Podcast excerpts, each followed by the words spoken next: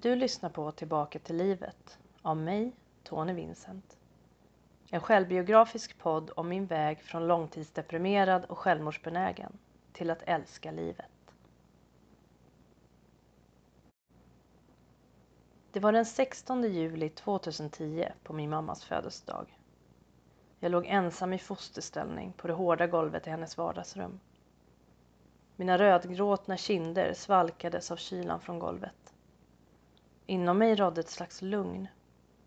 Ett lugn som kommit av mitt beslut att jag inte skulle fortsätta leva. Att jag skulle ta den lilla makt jag hade kvar i mitt liv och avsluta det. Jag hade kämpat så länge jag kunde minnas.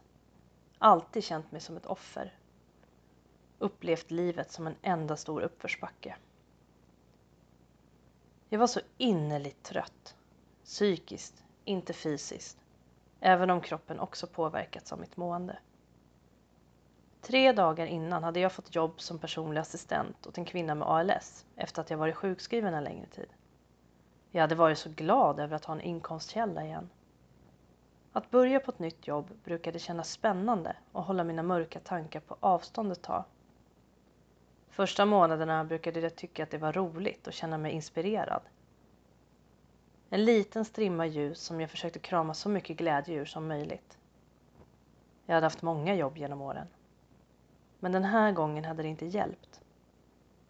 Ångesten hade svept över mig som en våg av iskallt vatten och paralyserat mig. Gråtattackerna kom oftare. Tankarna stängde aldrig av utan påminde mig ständigt om hur värdelös jag var. Vad var det för fel på mig? Varför kunde jag inte bara jobba och vara glad som i mitt huvud alla andra var? Varför skulle jag alltid vara så negativ, trött, arg, ledsen och vek? Varför kunde jag inte bara skärpa mig?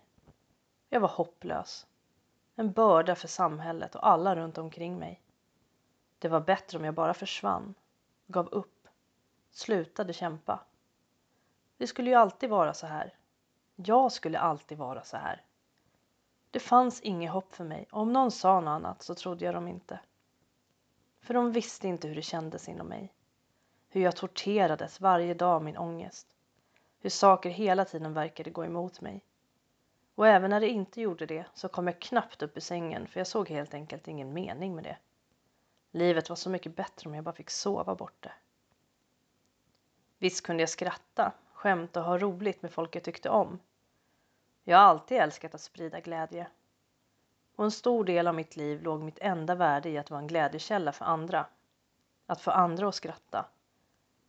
När folk omkring mig fick veta att jag var deprimerad för första gången blev de så förvånade.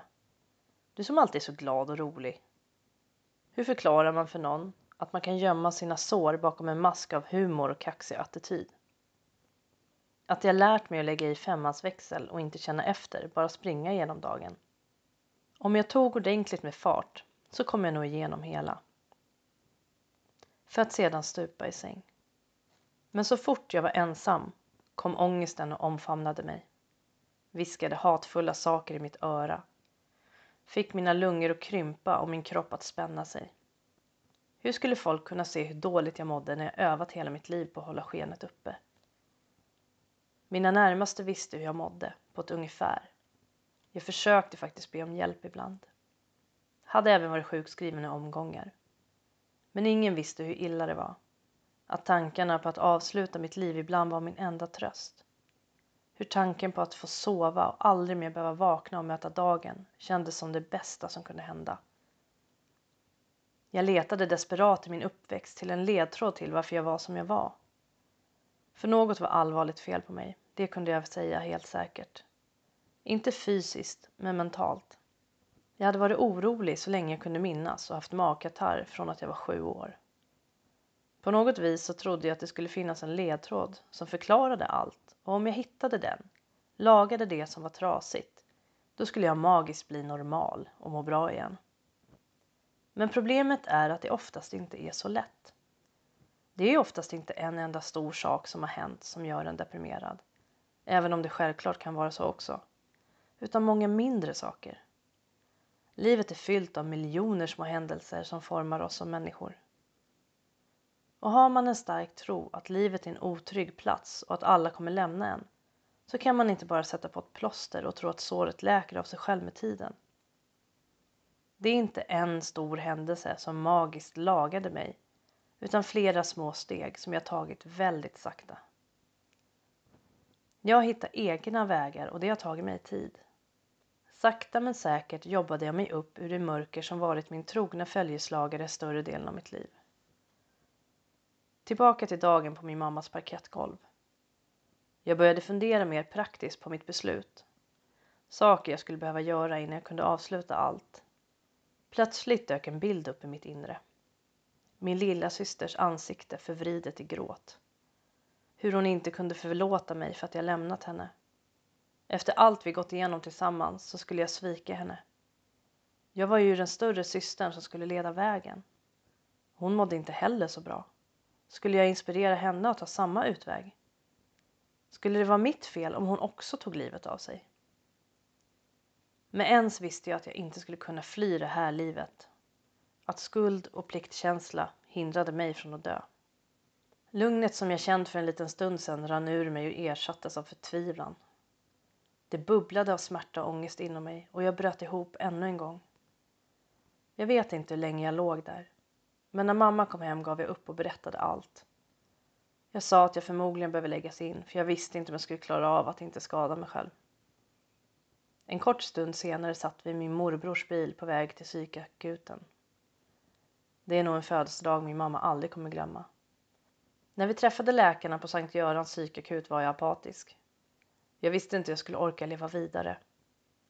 Min mamma var med mig när hon la in mig temporärt på ett rum och hon satt vid min sida tills två vårdare kom och hämtade mig med bil och körde mig vidare till ett annat ställe någonstans i Stockholm där jag fick tillbringa natten. Jag var bara vagt medveten om allt som skedde runt mig. Jag sket i vilket.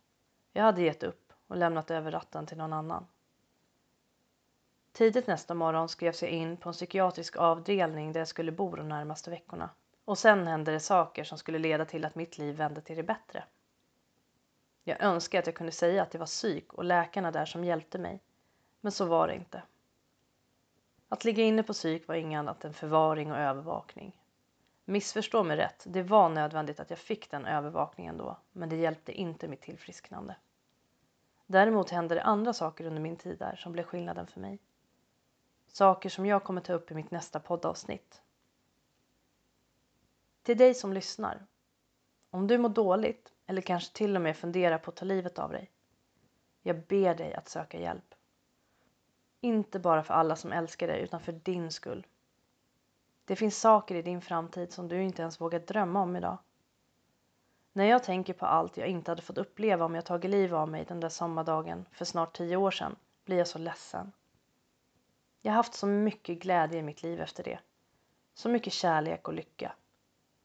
Självklart har det varit svåra stunder med, men inte alls på samma sätt som när jag var deprimerad. Om du har självmordstankar precis nu så kan du ringa Mind, självmordslinjen, alla dagar mellan klockan 6 på morgonen och 12 på natten på telefon nummer 08 901 01 eller chatta på deras hemsida mind.se. Om du är deprimerad kan du kontakta din vårdcentral och därigenom få komma till en psykolog och få stöd i ditt tillfrisknande. På suicidezero.se finns det mer information om vart du kan vända dig om du mår dåligt. Att vara deprimerad och självmordsbenägen är en sjukdom och du behöver stöd för att bli frisk. Även om det känns hopplöst så finns det hopp och du är så värd det. Ta hand om dig så hörs vi snart igen. Kram från Tony.